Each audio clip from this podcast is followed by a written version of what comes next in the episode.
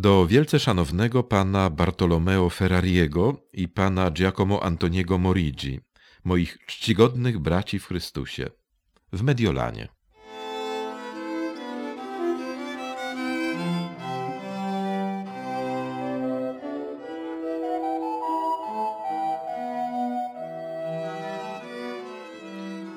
Carissimi e quando fratelli onorandi, Dio, il quale stabilem ogni bene prontissimo.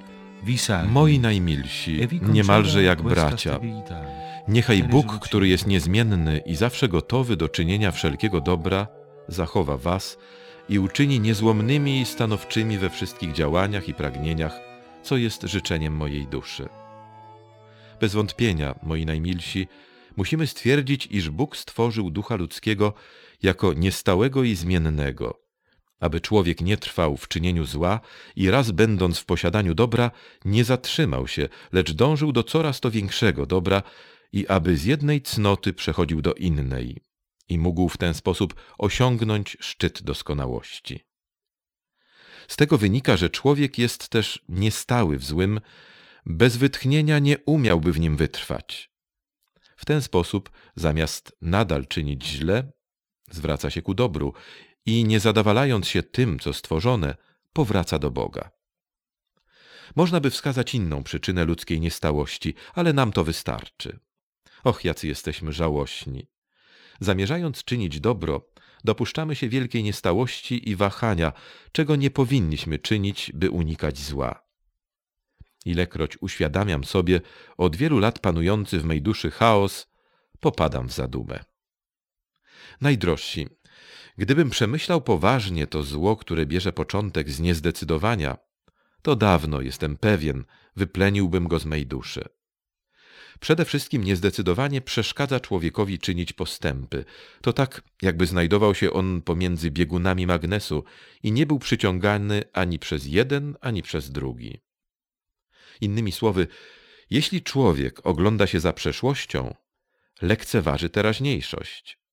Jeśli przywiązuje się do teraźniejszości, traci z pola widzenia przyszłość. Czy wiecie, do kogo jest podobny? Przypomina tego, który równocześnie chce kochać i pożądać, dwie sprzeczne rzeczy i nie otrzymuje żadnej. I jak mówi przysłowie, tego, który poluje jednocześnie na dwa zające, obserwując jak jeden ucieka, a drugi się wymyka. Jak długo człowiek pozostaje niezdecydowany i wątpiący, tak długo nie jest w stanie uczynić niczego dobrego. Życie dostarcza na to dość dowodów, nie muszę nic dodawać. Co więcej, człowiek niestały zmienia się jak księżyc. Denerwuje się i jest ciągle niespokojny, nie potrafi być szczęśliwy, nawet gdy wszystko idzie ku lepszemu. Martwi się i wpada w gniew z byle powodu, łatwo szuka pocieszenia. Tak naprawdę chwast niezdecydowania rodzi się tam, gdzie brak boskiego światła, ponieważ Duch Święty przenika do głębi, niepowierzchownie. Człowiek przeciwnie, nie widzi sedna sprawy, nie wie na co się zdecydować. To niezdecydowanie jest równocześnie przyczyną i efektem letniości. Jeśli poprosimy o radę duchową w jakiejś sprawie człowieka letniego, to udzieli on wielu rad, ale nie zdecyduje, które z nich są dobre. On nigdy nie powie ci, co robić, a czego unikać. W rezultacie, jeśli na początku byłeś niezdecydowany, to teraz będziesz tkwić w całkowitej niepewności. Niezdecydowana osoba traci zapał i staje się letnią. Cały rok nie wystarczyłby, aby wyliczyć wszystkie złe rezultaty i przyczyny niezdecydowania.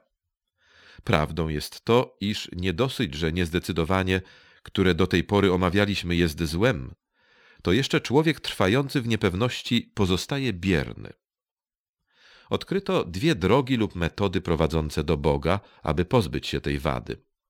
Pierwsza pomaga nam, gdy niespodziewanie zmuszeni jesteśmy wybrać, czynić coś czy nie.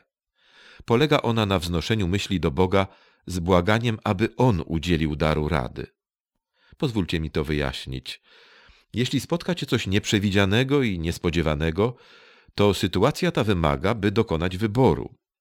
Wówczas wznośmy nasze umysły do Boga, prosząc Go, aby nas natchnął, co mamy czynić. idąc za natchnieniem Ducha Świętego, nie zbłądzimy. Druga droga polega na poszukiwaniu kierownika duchowego. Oczywiście wtedy, kiedy dysponujemy czasem i możliwościami, by prosić go o radę i postępować według jego zaleceń. Jeżeli my, najdrożsi, nie podejmiemy dobrych działań przeciwko złemu chwastowi, to on zrodzi w nas zgubne efekty, to znaczy niedbałość, która jest całkowitym zaprzeczeniem Bożej drogi. Dlatego też, kiedy człowiek musi uczynić coś ważnego, to powinien to dogłębnie przemyśleć i po tak poważnej refleksji i po wyborze odpowiedniej rady nie zwlekać z wykonaniem swego planu, gdyż najważniejszym wymaganiem na Bożej drodze jest bystrość i gorliwość. To dlatego prorok Micheasz mawiał: Powiedziano ci, człowiecze, co jest dobre i czego żąda Pan od ciebie. Jeżeli nie pełnienia sprawiedliwości, umiłowania życzliwości i pokornego obcowania z Bogiem Twoim. Paweł powie: Starajcie się nie opuszczać się w gorliwości. A Piotr: Czyńcie wszelkie dobro. Weźcie się do dzieła. Pismo Święte pełne jest wezwań do zalecanej i zachwalanej gorliwości. Moi najmilsi, muszę powiedzieć wam prawdę. Niezdecydowanie w mojej duszy lub jakaś inna wada spowodowała we mnie to tak wielkie, godne potępienia niedbalstwo, że nigdy od razu niczego nie rozpoczynam, a jeśli już rozpocznę, to nigdy nie kończę. Rozważcie uważnie przypadek tych braci, dzieci jednego ojca, który zmarł, usłyszawszy radę Chrystusową, by pozostawić zmarłym grzebanie ich zmarłych. Przypomnijcie sobie też Chrystusową radę, aby pozostawić umarłym grzebanie umarłych i pójść za nim. Dzieci, usłyszawszy tę radę, natychmiast poszły za Jezusem. Piotr, Jakub i Jan, wezwani, natychmiast poszli za Chrystusem.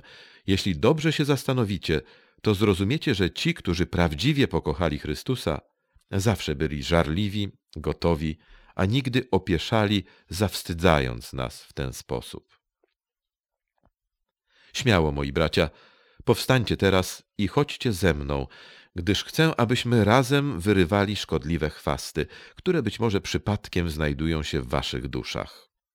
A jeśli nie ma ich w was, przybądźcie, aby mi pomóc, ponieważ są w moim sercu i na miłość boską pracujcie ze mną, abym mógł je wykorzenić i naśladować naszego Zbawcę, który przez posłuszeństwo aż do samej śmierci powstawał przeciw niezdecydowaniu i nie odrzucił hańby krzyża, aby znieść wszelki nieporządek.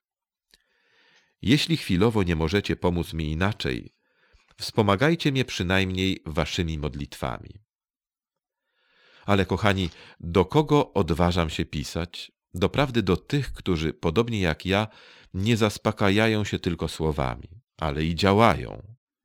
Jeśli tak jest w istocie, przynajmniej jeśli chodzi o mnie, mogę was zapewnić, że tylko moja miłość do was zmusza mnie, że piszę tych parę słów.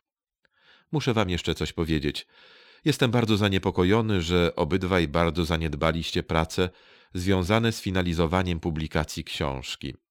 Co więcej, od wielu dni czekam bez skutku na odpowiedź lub informacje, o które prosiłem, a zwłaszcza te dotyczące pana Bartolomeo Ferrariego w sprawie biednego Giovanni Hieronima. Nie napisaliście też ani jednego słowa o tym, co robicie. Ja zaś jestem gotów wybaczyć wam, ale zbadajcie wasze sumienia, czy zasługujecie na usprawiedliwienie, czy też na naganę. Odwagi, moi bracia. Jeśli było w was jakiekolwiek niezdecydowanie, wyzwólcie się z niego, jak też i zaniedbania i biegnijmy jak szaleńcy nie tylko do Boga, ale i do bliźniego, który jest pośrednikiem otrzymującym to, czego my nie możemy dać Bogu, albowiem On nie potrzebuje naszych dóbr. Pozdrówcie wielebnego pana Don Giovanniego. Frabono prosi go i was obu o modlitwę za niego. Módlcie się również za mnie. Kremona, 4 stycznia 1531 roku. Wasz oddany brat w Jezusie Chrystusie, Antoni Maria Zakaria, kapłan.